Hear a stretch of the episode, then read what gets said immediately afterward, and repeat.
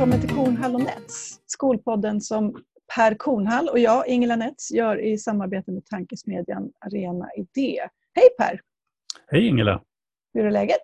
Tack, det är alldeles utmärkt. Härligt, solen skiner, det är härlig vår utanför fönstret. Och det var ett tag sedan vi spelade in sist, så det känns jättekul att vara igång igen.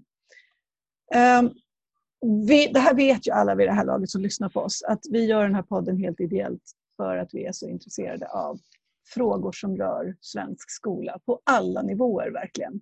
Det är lika spännande att prata med lärare som möter elever i klassrummet som att prata med makthavarna i den politiska eliten.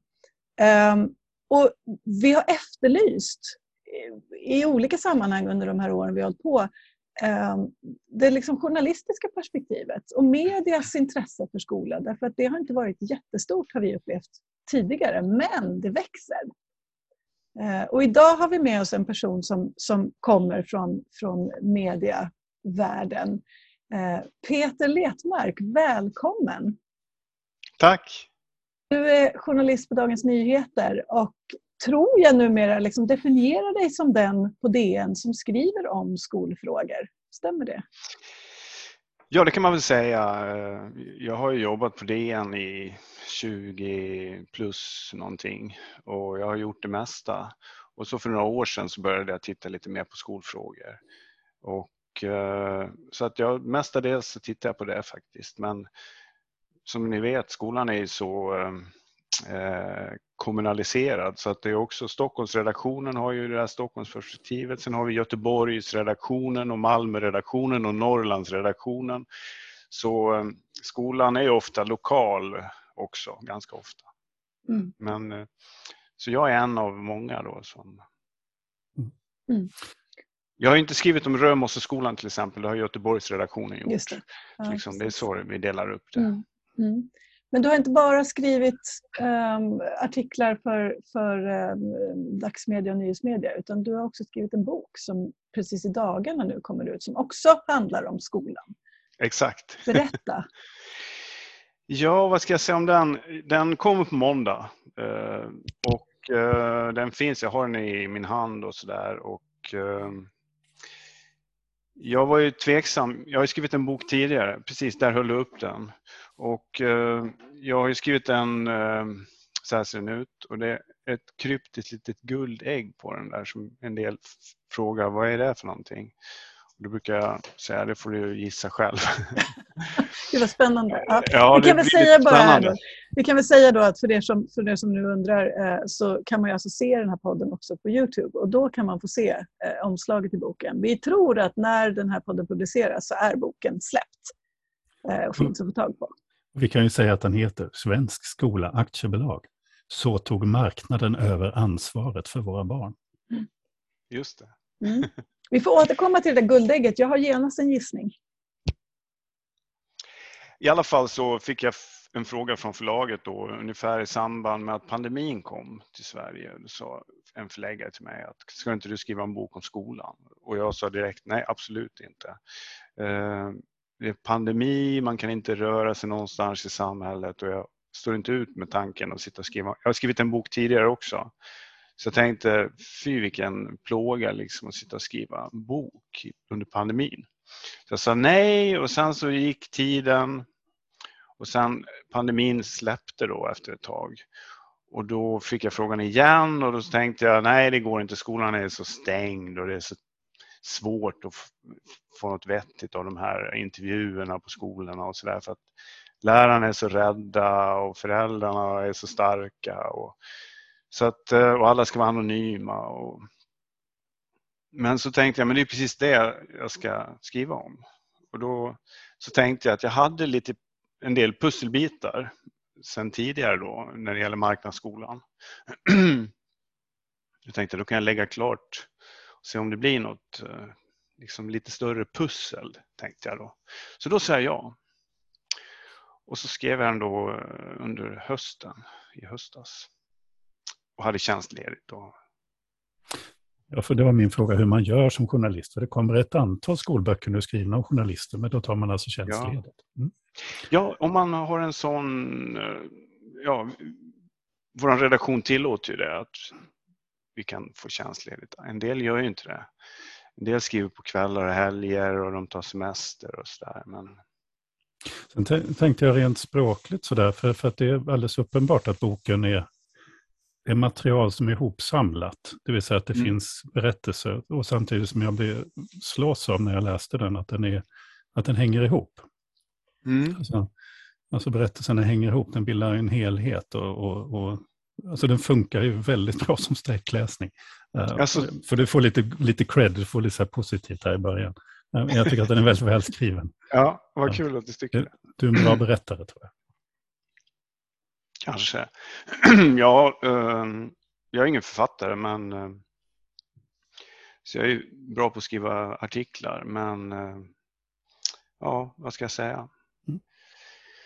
Men där, det, där, en, en sak som jag funderar på där är, eh, och, och det handlar väl både om liksom i boken men också i ditt, i ditt liksom yrke som journalist. Är det, är det, för, för att boken är ju till viss del uppbyggd kring liksom enskilda berättelser, människors berättelser om mm. liksom, sammanhang som rör skolan.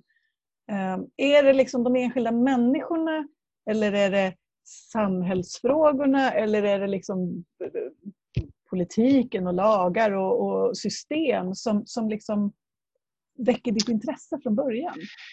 Ja, alltså jag är, det jag är, jag är journalist och som journalist så man hör saker, folk säger så här, ja de marknadsskolan selekterar elever, säger folk. Och det är ju jätteintressant att man säger det. Men som journalist säger man inte bara det utan då vill man ju ha ett exempel. Så man gestaltar det här. Jaha, på vilket sätt då?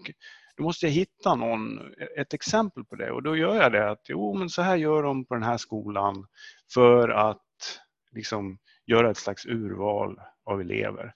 Och då tar jag med människor och exempel och så det är det som är journalistik, att eh, gestalta påståenden för att se om de eh, håller. Mm. Så det är väl det som är det svåra kanske då, att hitta de där exemplen.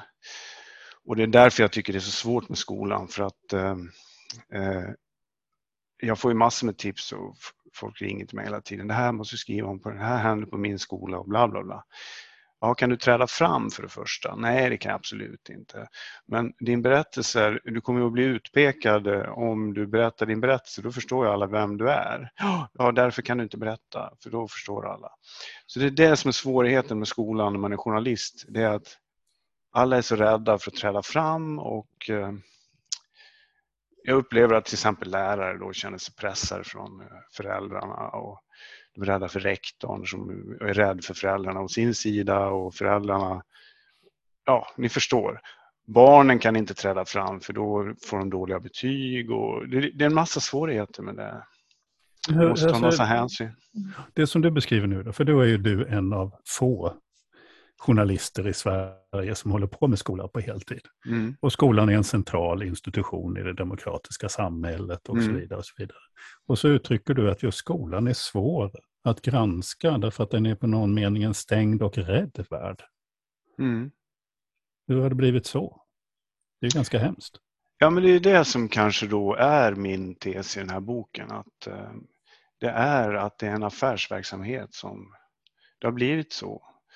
Och när man säger någonting dumt om en skola och titta vad dåligt det här fungerar. Då svarar inte de, den skolhuvudmannen med att säga oj då, tack för det, det måste vi åtgärda eller det här måste vi genast titta på. Utan då säger de nej, vi är bättre än de andra, de andra är sämre än oss.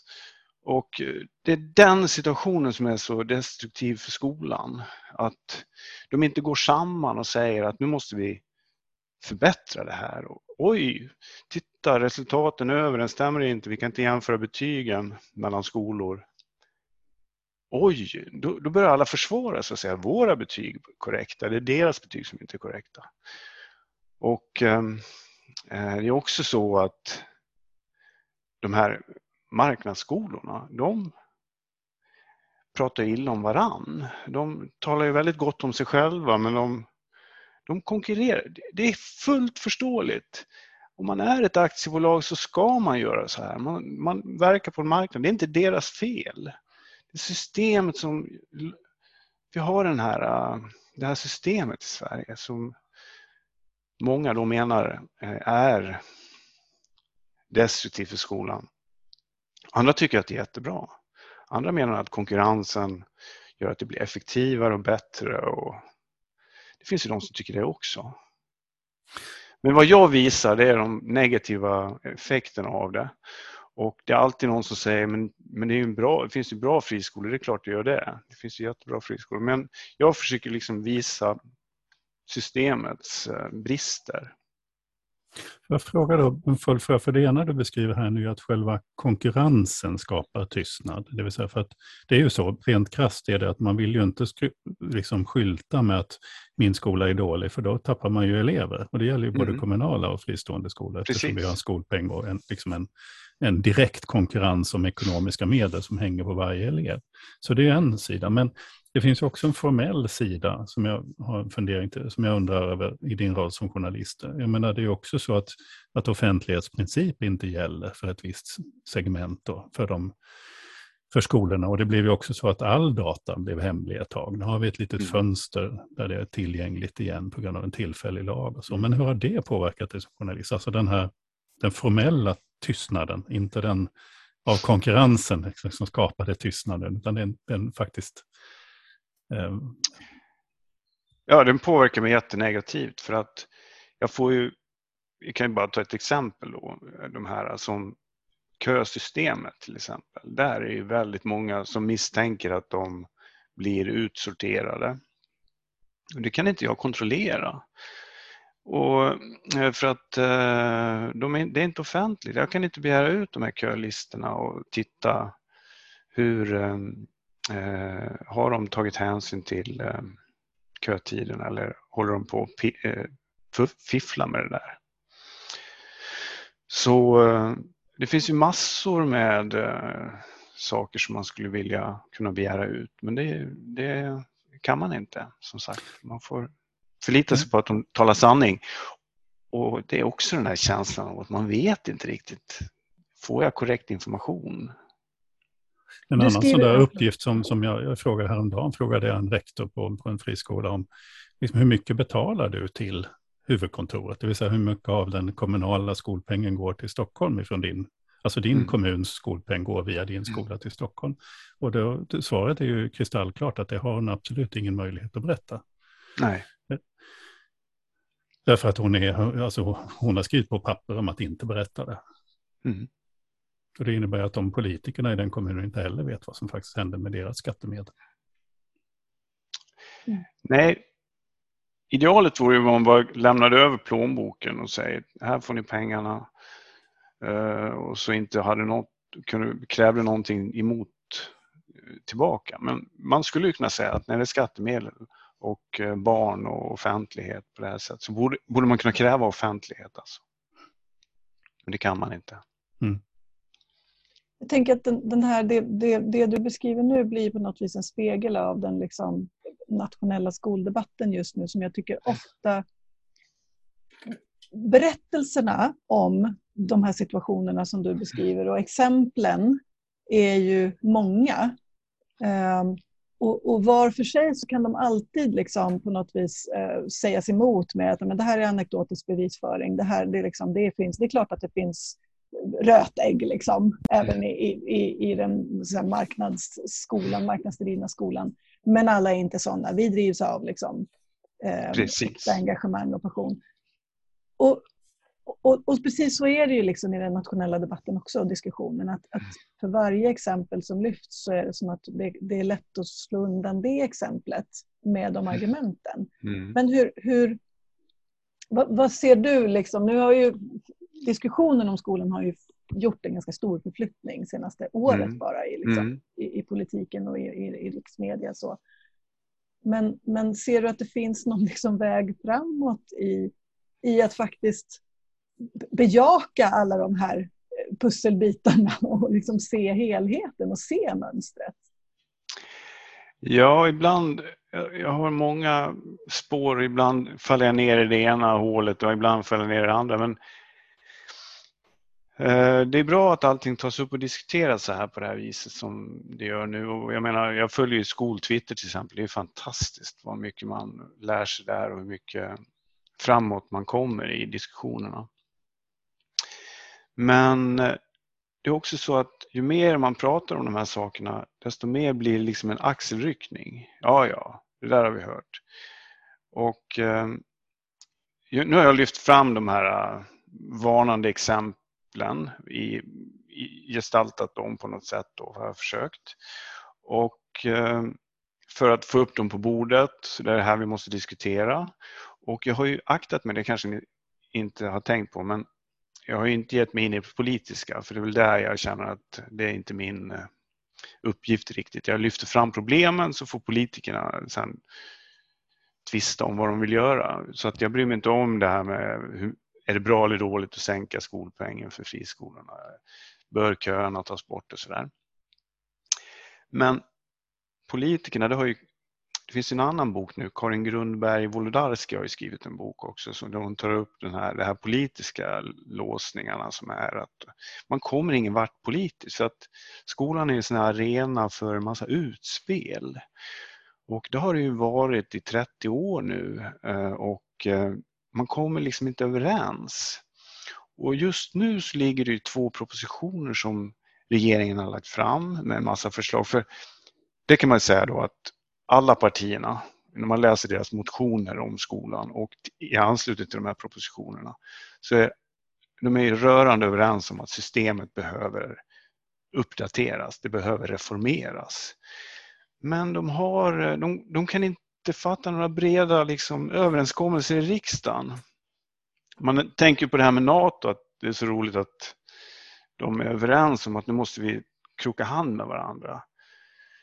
Men när det gäller skolan så är det fortfarande de här utspelen.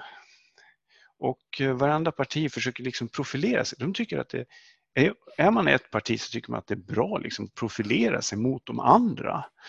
Det är egentligen det, det som är det mest skadliga man kan göra i det här läget med skolan. Man kommer inte framåt. Så alla tycker att kösystemet behöver förändras. Och så har de olika förslag på, jag tycker en, ett år ska man få stå i kö, jag tycker två år, nej jag tycker... Alltså man blir besviken. Och då, jag funderade på det när jag skrev den här boken, kommer det här bli en valfråga? För det undrar ju förlaget då liksom. Och det är det man inte riktigt kan svara på. blir det en valfråga eller inte? Och det är det som vi får se, hur, hur mycket de är tvungna att Eh, ta tag i det här. Du, du nämnde ju de här två propositionerna. De är det väl väldigt många som ser som en, en val, eh, som val, alltså en del av val, eh, förberedelserna för valet, eftersom man vet ja. att de kommer bli nedröstade. De är ju ändå, de är ändå ganska milda, alltså de handlar ju bara om att vi inte ska ha kösystem och det handlar om en, en annan typ av finansiering och, och, och, så. Men de ger ju sig inte på systemet i grunden, men de kommer ändå att falla. Och de är helt i linje med OECDs bedömningar från 2015. De är helt i linje med Skolkommissionen och, och statliga utredningar och, och, så vidare. Men de kommer ju ändå att falla. Men vad, vad mm. beror det på att vi har den här låsningen, då, tror du? Jag tror att det är nog kanske det att man försöker profilera sig då som ett, vi är skolpartiet nummer ett för att om vi tar det här med skolpengen då, då säger det ena partiet att vi sänker den för friskolorna. Då säger det andra partiet nej, vi höjer den för de kommunala skolorna istället.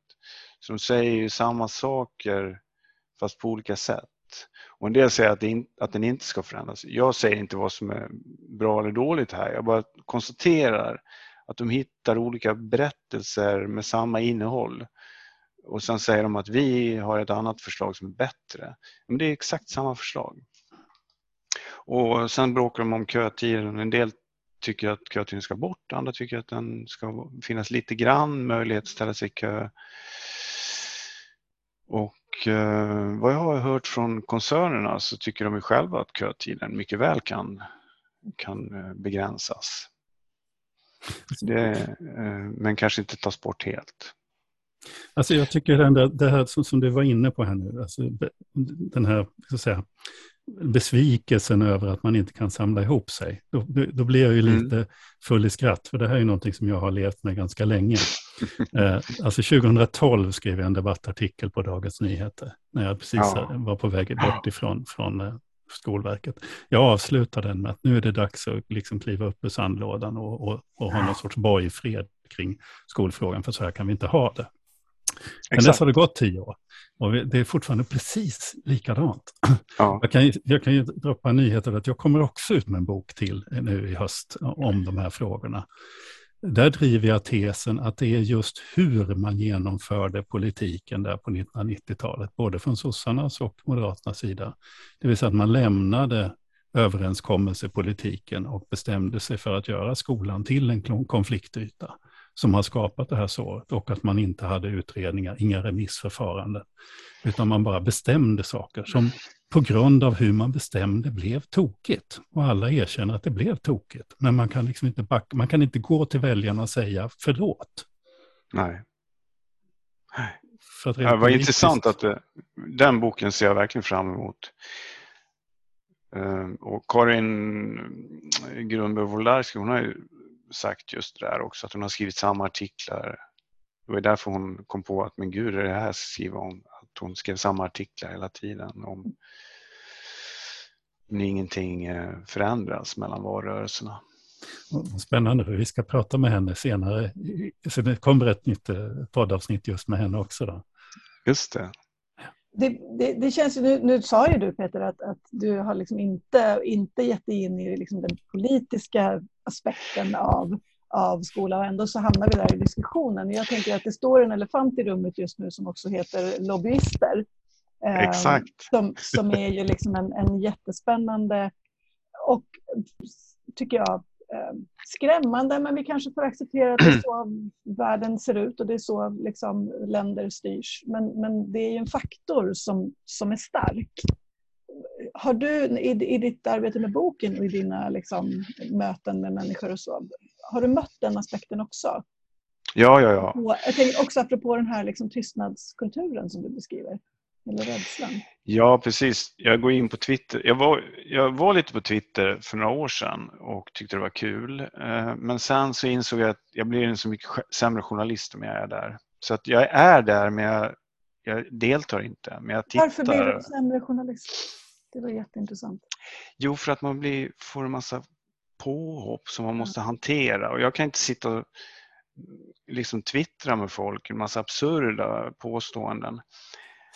Till exempel, jag skrev en artikel eh, den senaste eh, veckan som handlade om att eh, kommunen i Sollentuna har sagt att vad 17, vi kan inte ha sex, sex friskolor med internationella, internationell profil i vår kommun. Utan de ville säga nej till den sjätte. Och då sa, sa Skolinspektionen, det kan vi inte säga nej till för att de har rätt att eh, etablera sig. Och då skrev jag om det här och jag pratade med dem i, i Sollentuna. Och så intervjuade jag två föräldrar. Den ena föräldern var då, hade varit medlem i SSU. Visade sig, det visste inte jag. Men då kom ju någon lobbyist och tyckte man kan inte intervjua en förälder som har varit med i SSU. Och eh, det blev aldrig något det för det var så dumt. Själva påståendet var så dumt. Men eh, den... Eh, jag kan inte svara på sådana där påståenden för jag har inte tid. Eh, och börjar jag svara så, så, utvecklas det en tråd och plötsligt så hamnar man... Ni vet ju det på Twitter liksom att det drar iväg. Någon säger någonting lite skevt och så då hittas en ny riktning på samtalet så det bara spårar ut totalt. Så jag vill inte vara med om det. Jag tittar och när jag ser att det spårar ur då går jag, går jag därifrån. Liksom. Men eh, det ska bli spännande att se vad som händer nu när jag kommer med den här boken. Det kanske blir knäpptyst men det kan ju också bli sådana här lobbyistkampanjer. Eh, vilka, vilka, vilka, tänker du är dina läsare? Vilka, vilka vill du ska läsa boken? Ja, precis. så tänker man ju alltid som journalist också.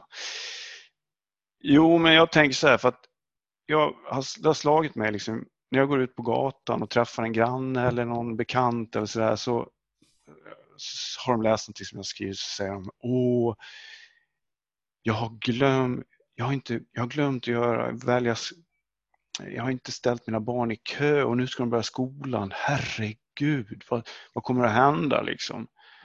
Och då tänker jag bara, men gud, har du ingen koll alls? Du bor i innerstan, det finns superfina kommunala skolor.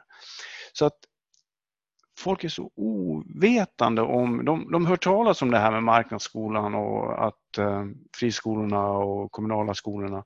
De har ingen riktig, liksom, de vet inte riktigt vad det är man pratar om. Så det är väl de jag har tänkt på.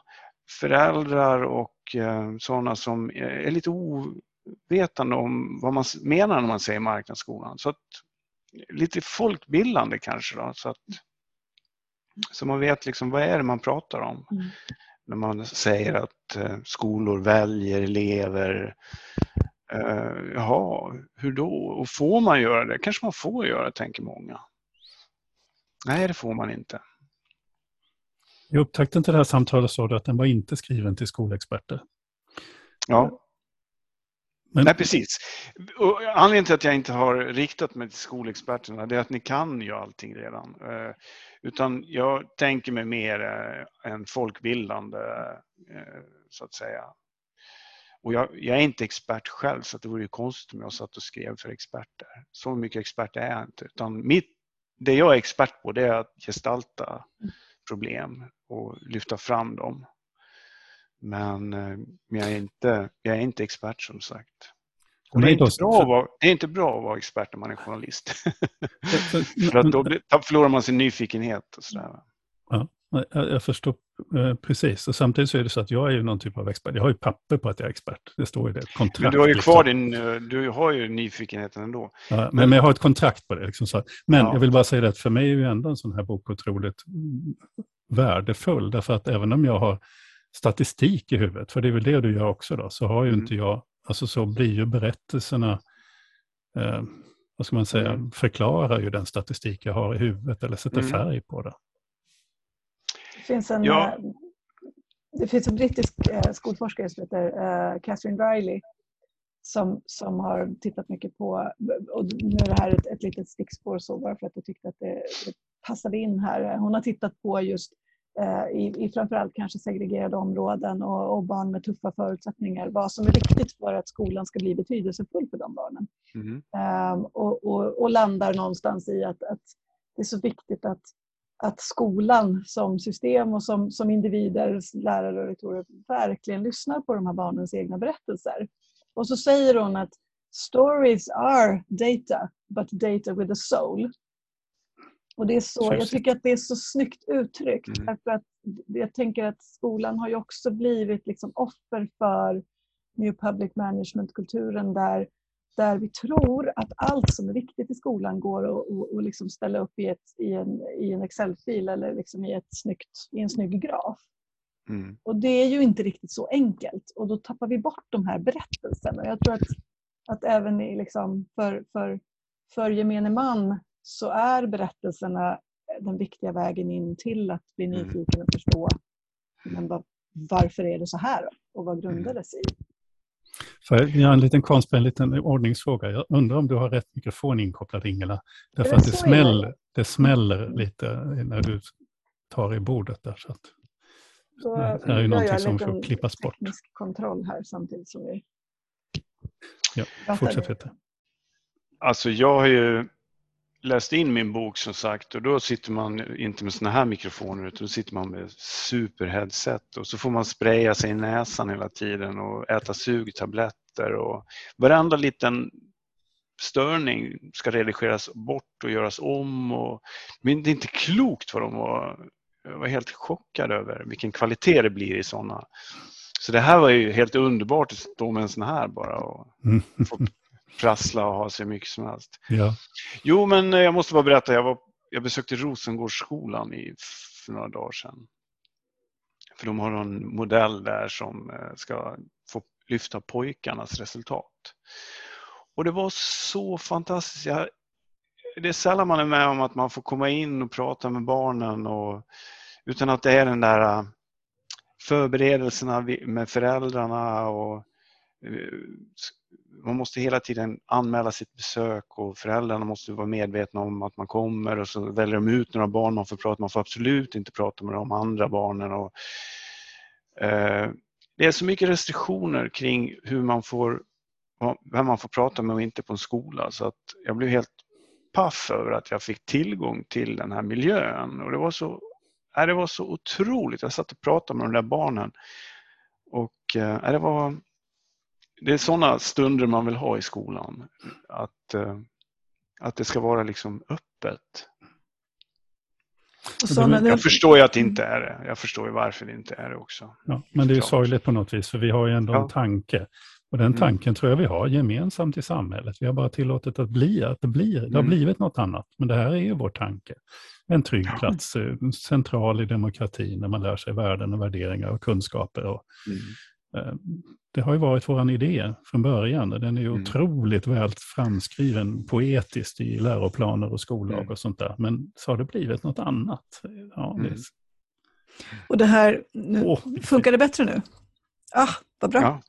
Ja. Um, det var bara en liten knapp som behövde tryckas på. Uh, nej, men jag säger, den, den tanken har ju alltså, alla vi som jobbar i skolan, det här har vi pratat om så många gånger, att alla alltså lärare, skolledare, um, vi, vi drivs ju av den här tanken. Att det ska vara mm. precis så.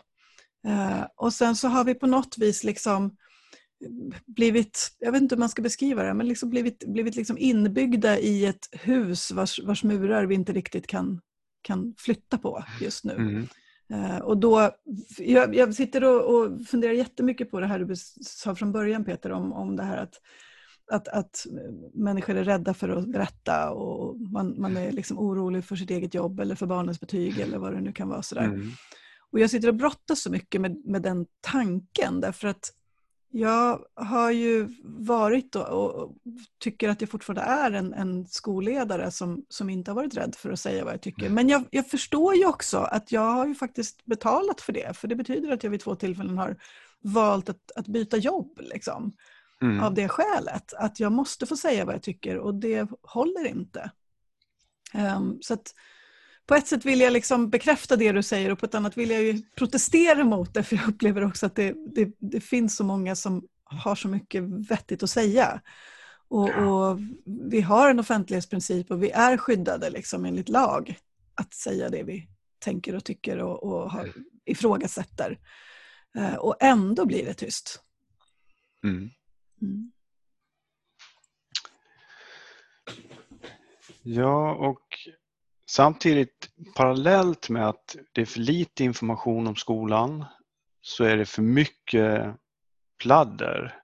Och eh, vad jag, jag vet att en sak som många beklagar sig över det är alla de här alla åsikterna som gör att man förändrar systemet om och om igen hela tiden och småpillar och justerar och håller på. Och att det där gör att det inte blir någon arbetsro utan man hela tiden måste man justerar liksom fel saker och alla ser att det är däråt vi ska gå och så håller man på och pillar i en annan riktning. Eh, eh, ja, det där är ni bättre på eftersom ni har varit med längre men mm. visst är det väl så att ja, ja. den här klåfingrigheten mm. med skolan är ju mm. förödande också. Mm.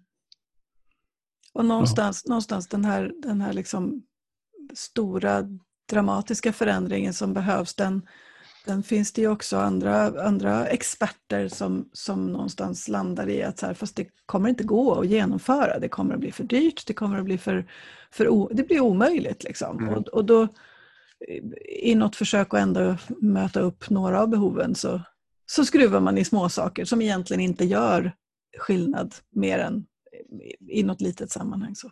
Mm. Mm. Precis, men det där är ju, ja, man skulle kunna prata länge som helst om det.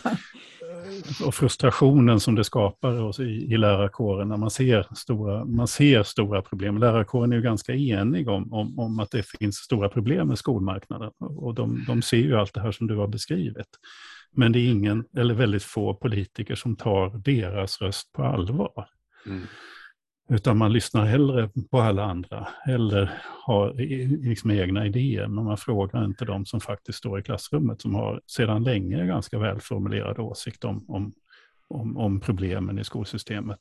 Mm. Och den här tystnaden som, som, du, som du beskriver och vad den gör med lärarkåren som profession. Mm. Som ju ska vara ett fritt, ett fritt och, och starkt och attraktivt yrke. Mm. Och det blir det ju inte om, om, man, om man reduceras till någon sorts betygsproducent. Istället för en kunskapsförmedlare. Mm. mm.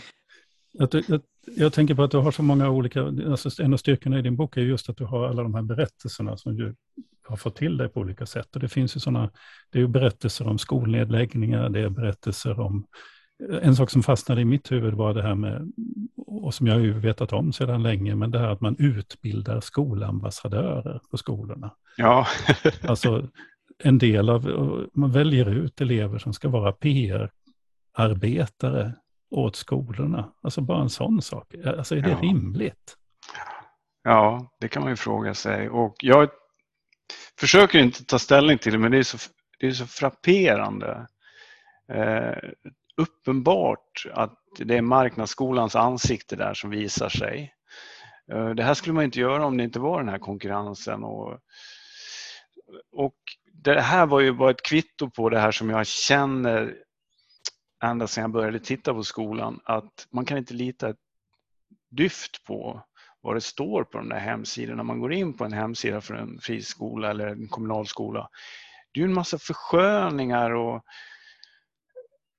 det är PR. Eh, och eh, jag vet inte hur man ska komma ifrån det där för att alla, alla är ju tvungna att börja arbeta i den där riktningen när en gör det, höll jag på att säga. För man tävlar ju om de här eleverna. Eh, och, så de har ju, det finns ju den där tendensen att information var... från en skola är liksom PR. Och då så sa den här forskaren som jag intervjuade, han sa just det där att hur, kommer det sig att föräldrar är så lättlurade? Det verkar som att de tror på det här. Ordning, kom till oss, det är ordning och reda, för det säger en elev och här säger läraren också, här är ordning och reda. Jaha, men jag vill gå i en skola som det är ordning och reda. Liksom, vad menar man när man säger sådär? Det är bara en reklamslogan. Det har ju ingenting med Rosengårdsskolan, där var det verkligen ordning och reda, men de går inte ut och skriver på någon hemsida att det är ordning och reda. De har framförallt inte ett rykte om att det skulle vara ordning och reda. Exakt, precis. Och det här är ju någonting som är fullständigt fascinerande, för nu fanns det ju en lärare som hade tittat på eh, enkätsvaren från den här skolenkäten som Skolinspektionen ja. Och de jämförde då en av de här stora koncernerna, Internationella Engelska Skolan, som just går med ryktet om att det är ordning, och jämförde det med de kommunala skolorna i samma kommuner. Och då är det ju faktiskt så att de är precis likvärdiga. Om det är någon som det är mer ordning på så är det de kommunala skolorna. Alltså rent statistiskt, om man nu frågar eleverna så, så finns det inte mer ordning på, på, på den internationella engelska skolan än det finns på de kommunala skolorna. Men, men det, är, det är ingen som pratar för de kommunala skolorna i systemet. Det är också en sak som stör mig. Inte ens, inte ens Sveriges kommuner och regioner pratar väl om de kommunala skolorna. Som ju bevisligen är, är bra. Det kan, ju bero, det kan ju bero på att det, att det finns krafter som uh, verkar för att uh, utmåla dem som kaotiska och flummiga och allt vad det nu är. Men eh, så man måste hela tiden, när man hör saker om skolan, måste man tänka att det här kan bara vara luft, det behöver inte betyda någonting. Det kanske inte stämmer alls det jag får höra. Och då så, så kan det vara så att som den här forskaren då som jag pratar med, han säger att han, han har känslan av att vi har i Sverige en sån tilltro till skolväsendet så att när vi, läs, när vi hör en skola säger att här gör vi så här och då tror man på det. Man skulle inte tro på det om det var ett vanligt företag som sa någonting. Eller är det bara vår, vår, eller är det bara vår förkärlek för de här enkla berättelserna? Alltså, ja. På samma Precis. sätt som din bok är en effektiv bok eftersom den berättar berättelser. Så, mm. så, så, så, att säga, man kan strunta i, i den objektiva sanningen men man kör Exakt. storytelling istället. Men du hade pratat med Andreas Schleicher om det här. Ja, Eh, alltså han som är chefen för OECDs utbildningsavdelning, chef, Mr Pisa som han kallas ibland. Mm. Eh, just han, den här konkurrensen, jag tyckte det var jättespännande. Han kan ju det svenska skolsystemet väldigt väl. Han har ju varit här massor med gånger och han är särskilt intresserad av Sverige verkar det som.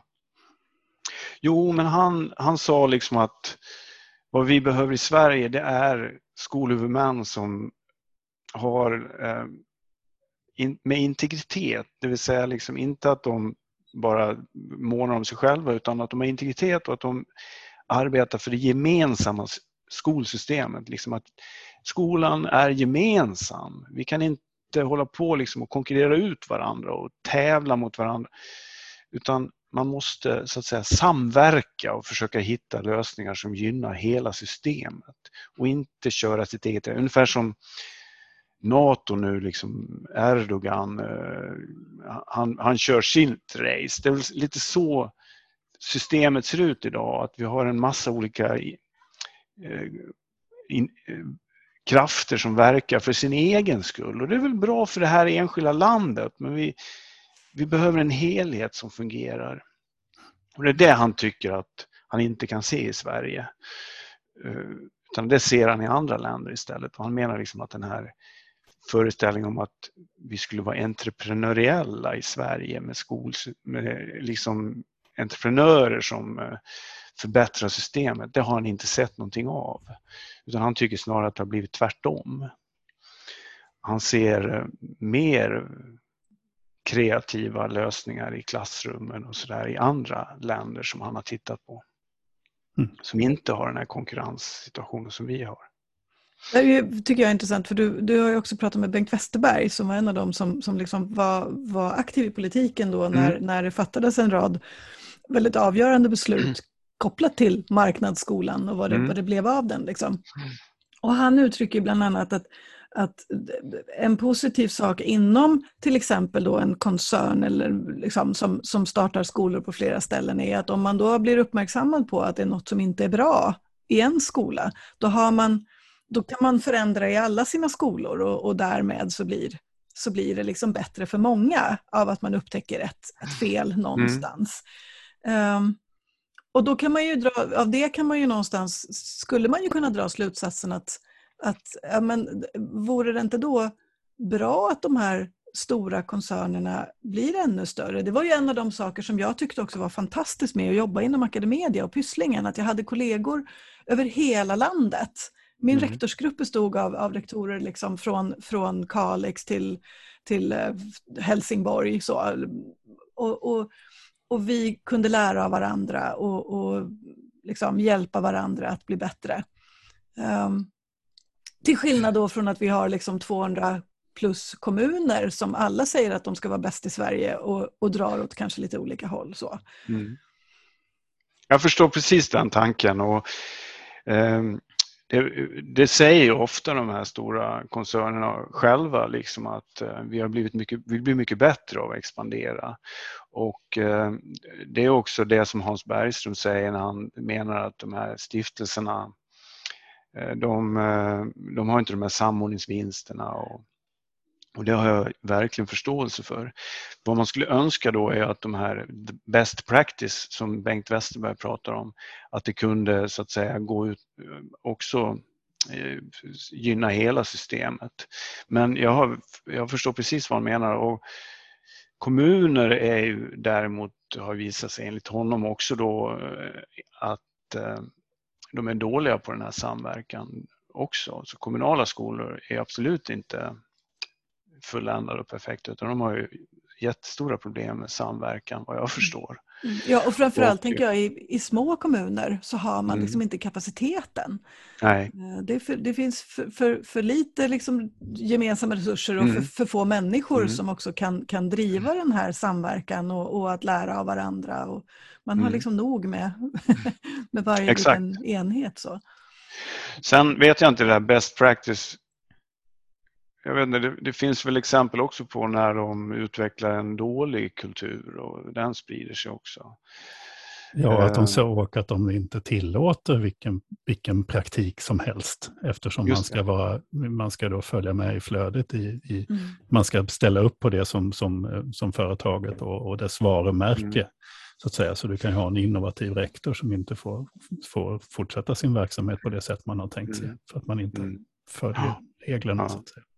Ja, det finns ju massor med aspekter av det där. Och, men jag, jag, jag, jag förstår verkligen hur man, när man pratar om det här best practice. Mm. Att det, det, är någonting att sträva efter.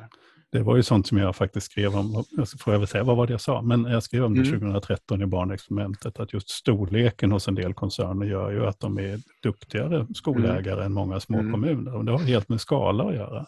Mm. Alltså det är så pass komplext att driva skola. Så man behöver ha en, liksom en, man behöver ha en, en, en administration med många mm. olika experter.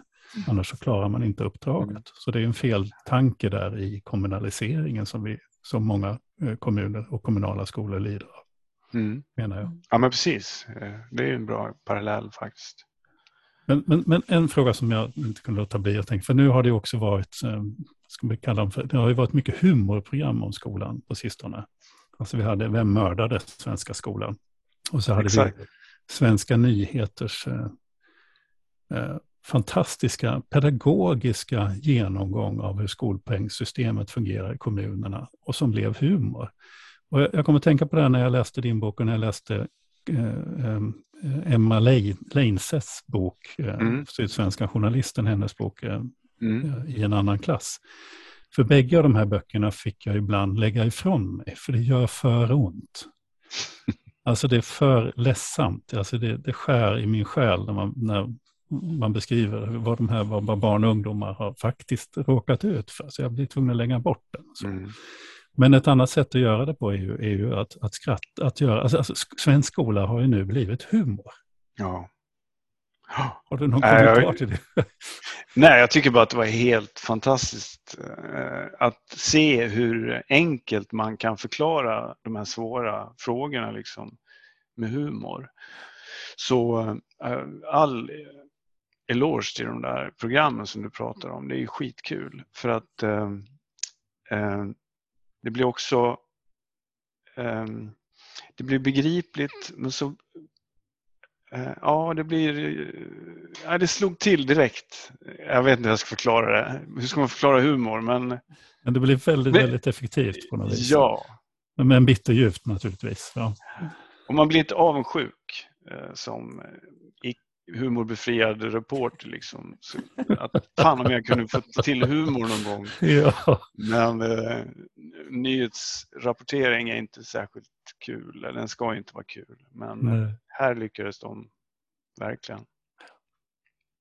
Ja, det är intressant det där. Jag, jag, jag är nog lite så här, tanten mot strömmen här. Jag, jag, jag tyckte inte det var så kul. Men det är nog för att jag tror att det handlar om, om det som Per beskriver, det här att det skär i hjärtat. För det, det är ju ja. nästan ännu ondare. Jag har, mm. liksom, jag har inte kommit till läget där jag kan skratta åt det, utan jag vill bara gråta. Typ så mm. liksom. Mm. Um, sen kan jag, jag kan verkligen förstå också det, det, satiriska i att skolsystemet blir satir. Liksom. Bara det är ju på något men, vis... men ty, tyckte du att det var, fanns någonting eh, liksom, skevt med den eh, med innehållet i det där, de där sketcherna? Alltså, nej, egentligen inte. Jag, det är nog bara kanske så enkelt att jag inte riktigt uppskattar den här liksom, eh, väldigt mm. skruvade. Eh, och och hur, hur vissa personer liksom fick klä skott för, ja, för ja. ett system. Som, som, och, och, så är det, man måste, liksom, man måste kanske hänga ut någon som får bli symbol för. Men det är också människor. Liksom. Ja, och, ja det var väl det. Är det. Ja. det kände jag också. Att liksom, ibland kände man att man fick nästan sympati med den där personen som ja, blev exakt. uthängd. Absolut. Precis. Precis. gärningsman och brottsling. Ja, exakt. Ja. Men det kanske behövs. Och, och frågan är ju um, vad som händer nu. Vi, vi, behöver börja runda av och jag tänker att det är väl ändå uh, någonstans att vi, nu står vi inför inför en sommar. Vi har liksom NATO är landat i Sverige så det kommer inte vara en, en uh, valfråga längre uh, på det sättet. Och frågan är ju om vi kan om vi ändå kan få skolan på agendan inför valet. För det tror jag att det, det önskar nog alla vi som finns i systemet att den faktiskt inte bara liksom, att inte diskussionen dör ut nu. Nej. Eller vill vi det? För det är också en risk, för då kanske det blir ett parti som ska driva. Eller vill vi att de bara någonstans träffas och säger att nu gör vi någonting åt det här? Ja, det vore väl alldeles fantastiskt. det, det, ja, absolut. Då blir vi arbetslösa ja. alla vi som diskuterar skolan också. men, det kan men, vi ta igen. Eh, tänk om det blir att de röstar igenom någonting som eh, vi inte blir bra. Då. Det kan ju bli så också. Så, mm. man vet aldrig. Nej, men jag tänkte på det när du, när du pratade om just det här att du, du, vill, liksom, du vill rikta din bok till ja, men liksom vanligt folk som, som, som kanske, deras engagemang i skola är att man har sina egna barn i skolan eller ska välja skola och mm. funderar mycket och mm. sådär. Och, och, det är ju alldeles uppenbart att folkopinionen eh, mot de liksom största avarterna av det nuvarande systemet är ju väldigt stark i alla läger. Mm. Eh, ja, det, och, det är precis. Och det är blocköverskridande. Så, ja, men precis. Och ändå så, så eh, är politiken inte riktigt redo att lyssna på sina väljare. Och det i sig är ju en intressant fråga mm.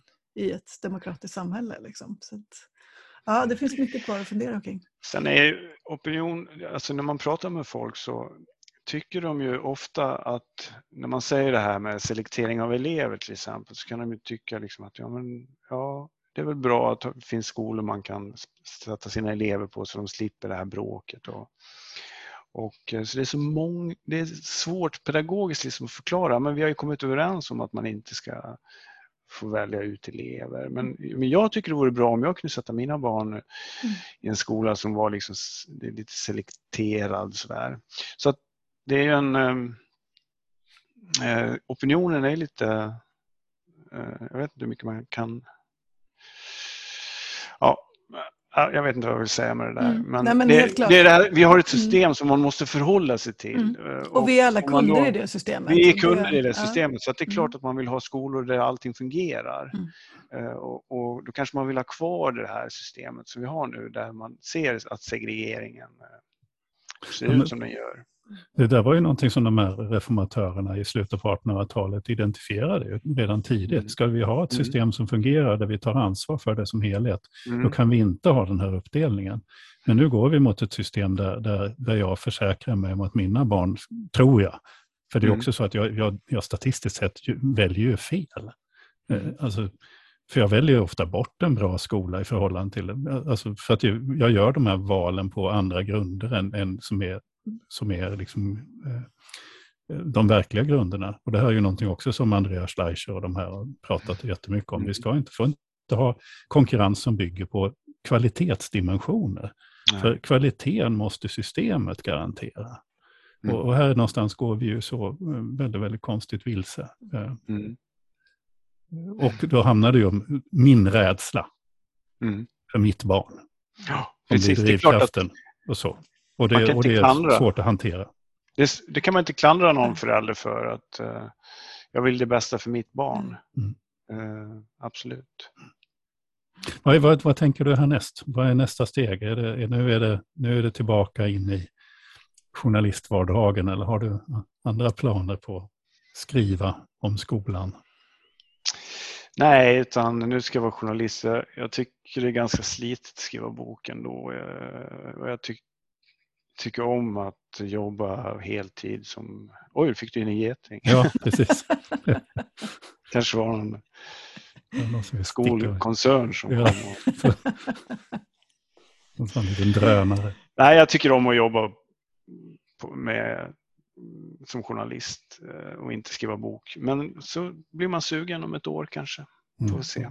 Mm. Jag, jag, måste få, nu, nu, vi, vi, behöver som sagt eh, knyta ihop säcken här. Får jag gissa om det där guldägget eller förstör jag din marknadsföringskampanj nu? Om jag... nej, nej, nej. Absolut. Ja, nu håller Peter upp boken och o i ordet skola är utbytt mot ett guldägg. Um, och för mig som då har en bakgrund i reklambranschen så är kopplingen liksom given. Exakt. Tänker jag att, att guldägget är ju liksom finaste priset som man kan vinna i reklambranschen varje år för att man har gjort en lyckad reklamkampanj. Eh, så, så det, den kopplingen är ju jag. Ja, och den kopplingen var jag lite orolig för att man skulle göra och det är väl det alla säger. Ja. Jag, jag, jag, jag gör ju kopplingen till hönan som värper guldägg, det vill säga ett, ett system som värper pengar åt, åt vissa aktörer. Det är Ja. den kopplingen jag gör. Ska jag säga. Mm. Just det, skolpengen och barnet. Mm. Och, Mm. Men man kunde ju ha tänkt sig att ha pengaregn eller någonting sånt. Eller? Mm. Ja, spännande blir det och, och vi Mm. som har fått chansen att, att läsa boken i förväg så, vi, vi tycker ju att den, den ska man läsa. Mm. Eh, och särskilt om man, om man inte anser sig vara skolexpert utan, utan är nyfiken och vill förstå. Eh, så, så är det här en bra, ett bra sätt att, att få syn på hur systemet, vad systemet har, har gjort med oss eh, som föräldrar och som elever och som, som skolmänniskor. Så. Mm. Så tusen tack Peter Letmark för att du ville vara med i podden. Tack, tack själva, det var ju en fantastisk ära för mig att få vara med sådana personer som kan så mycket som ni. Det Ja. finns ganska Jag mycket vi önskar att jag kunde också. få fråga ut er istället. Det tar vi en annan gång. Ja, vi tar en annan gång. Ja, Ja. Jag kanske ringer. ja exakt. Du är välkommen. det, var svårt att, det var svårt att hålla emot för att inte börja Ja, ställa exakt. frågor. Det här är Ja. liksom intressant när man, man märker hur det liksom vänder i, i, så i Ja, samtalet. precis. Ja, jätteroligt. Mm, Eh, lycka ja. till nu med bokrelease bok, eh, release och eh, med fortsatt eh, journalistiskt arbete. Mm. Yes. Ehm, och ha det så bra och trevlig sommar och allt det där. Tack detsamma. Det var jättekul det här. Tack. Ha det gott. tack. Vi ses. Ja, det gör vi. Det gör vi. Hej. Jaha. Helt plötsligt så liksom kommer det flera böcker av journalister som har intresserat sig för, Ja, för skolan. Det är väl jätte, jättebra och jätteintressant. ja, Och viktigt för, för liksom det demokratiska samtalet, tänker jag.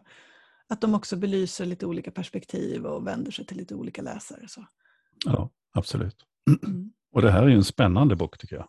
Mm. Alltså, man, man grips av, av berättelserna. Det, är, det Mm. är berättelser på väldigt många olika plan, men Mm. de, de är språkligt hänger ihop och, Mm. och, och man, blir, man, ja, man blir engagerad och man blir berörd hela Mm. tiden. Och det finns en tematik som, som håller genom hela Mm. boken. Så jag, ja, jag kan är varmt rekommendera den. Ja, och det är ju liksom ett smart, smart sätt att skriva om ett, Mm. ett svårt och komplext ämne. Att, att, att liksom locka in läsaren i de här mötena med Mm. enskilda personer eller liksom situationer så, som, som man också kan ganska lätt identifiera sig med. Så.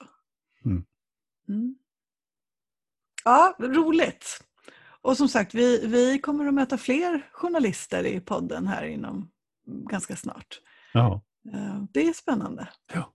Så får vi se. Så vi, snart behöver vi nog ha ett sånt här du och jag-snack bara. För nu det är så mycket som har hänt och händer i, i eh, ja det är ju så. Alltså, skoldiskussionen. Så vi kanske behöver liksom samla våra egna tankar också lite grann. Så. ja, vi skulle behöva ha det, ett samtal kanske. Mm. Och om inför kommande valrörelse och, och Exakt. och vad som händer med de här.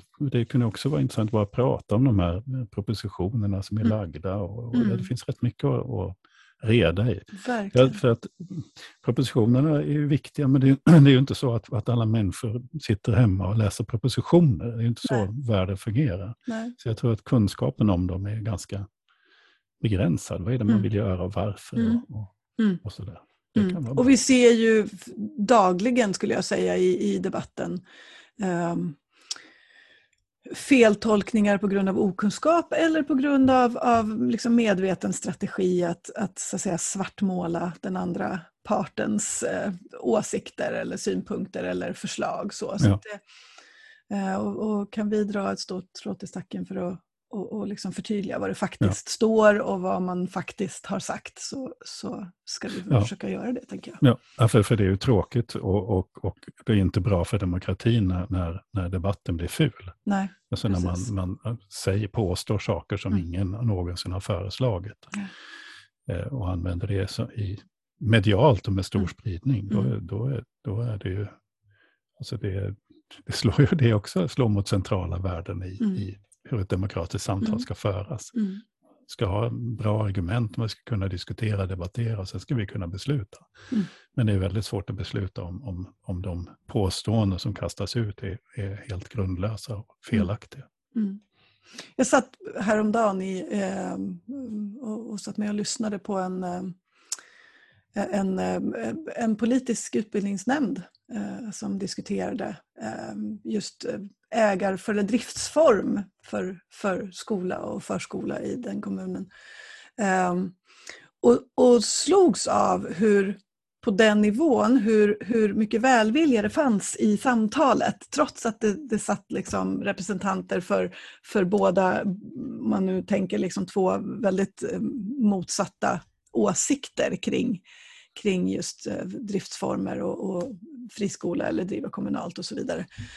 Um, så fanns det en oerhörd liksom, generositet i, i samtalet och en vilja att lyssna på varandra och liksom få tala till punkt och säga det man tänker och tycker och, och, och, och respektera det så. Och det var så, jag blev så glad. Mm. Mm. Eh, För det någonstans börjar det också, eller Mm. slutar kanske, liksom, i, i de här lokala rummen där, där besluten faktiskt fattas. Eh, Och, och kan man upprätthålla ett gott samtal där så har vi, då är det liksom en, någon sorts eh, försäkring om att demokratin får leva. Liksom. Ja, det är ju lite grann det jag menar med, med att det kanske är bra om skolan inte blir en valfråga. Mm. Ja, precis. Eh, I någon mening. Mm. Vi kanske behöver ha en valfråga kring vissa centrala delar av, Mm. av hur skolmarknaden fungerar. Mm. Kanske, vi kanske måste hamna där och då kanske lärarkåren i Sverige måste bestämma sig för att det här är tillräckligt viktigt för att jag Mm. ska rösta på, mot min annars ideologiska övertygelse. Och så. Men i övrigt så, så menar jag verkligen allvar att det kan vara bättre, mycket, Mm. mycket bättre för en fråga om, om den är politiskt känslig, det vill säga Mm. att i det här fallet att man behöver liksom, så att säga, be om ursäkt för saker man har gjort. Och det här gäller ju alla blocken och alla partier kors och tvärs i hela systemet. Mm. Ja, Då kan det vara bättre att sätta sig i ett rum och säga hur löser vi upp det här? Mm. Och komma gemensamt med andra förslag. Men, men, men bara därför att det är, alltså den politiska logiken gör att jag kan, inte, jag kan inte säga att jag har gjort fel och sen be folk rösta på mig igen. Mm. Utan man, man, man spelar ju ett, så att säga, ett spel hela tiden. Mm. Och då kanske det ibland är bra att den spelplanen finns någon annanstans än i, i vallöftesretoriken. Affischen. Alltså, liksom. det här- ja, precis. Arbete som pågår i riksdagen i alla andra frågor, där Mm. man diskuterar saker och ting och sen voterar man om dem i riksdagen och det är Mm. ingen väljare någonsin som ens hört talas om dem. Nej. Men Nej, de förflyttar precis. samhället framåt i Ja. en bättre riktning därför att vi har en Exakt. parlamentarisk demokrati. Mm. Eh, Ja, Mm. en vision om ett bättre samhälle, typ, Mm. var det Mm. jag försökte uttrycka nu. Mm. ja, precis. Och på tal om lärarkåren så, så i dagarna så fattas det ju sannolikt ett jätteintressant eh, och stort beslut kopplat till, till Ja. fackförbunden och, Ja. och hela liksom, både lärare och skolledare. Det måste vi också prata om Ja. framöver. Ja. Det är ju, det är ju liksom, eh, en väldigt stor eh, Ja. förändring som är på gång. Och någonting som jag har stött hela tiden, men samtidigt Ja. som jag förstår att det finns en risk i det. Och inte minst vilken jätteapparat vi Exakt. pratar om. Exakt. För vi pratar om anställda, vi pratar om Ja, ja, fastigheter, visst. vi pratar Ja, om... ja, Vi pratar om Absolut.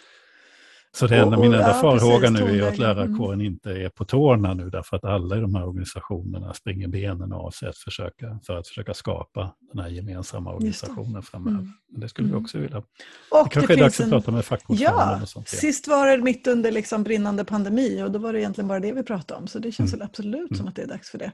Och jag tänker att det finns en stor, stor förväntan i hela lärarkollektivet då, eh, de allra flesta i alla fall, ehm, att fackförbunden ska bli med det här. Och det, det uttrycker man också att man ska bli starkare, men kanske också starkare i de här helt centrala frågorna för hur skolsystemet faktiskt ska se ut. Ja, Och där har man inte, inte- inte blir utspelad av Nej. partier. Precis. Ja, vi har att göra framöver ett tag det till. tror jag också. Ja. Du har just lyssnat på ett avsnitt av Kornhall och Nets, en skolpodd som jag, Ingela Nets och Per Kornhall gör i samarbete med tankesmedjan Arena Idé. Du vet också att vill du inte bara lyssna på oss så finns vi som videoversion på eh, Youtube till exempel och på Arena Idés eh, Facebook. Vi hörs snart igen. Ha det så bra till dess. Hej då!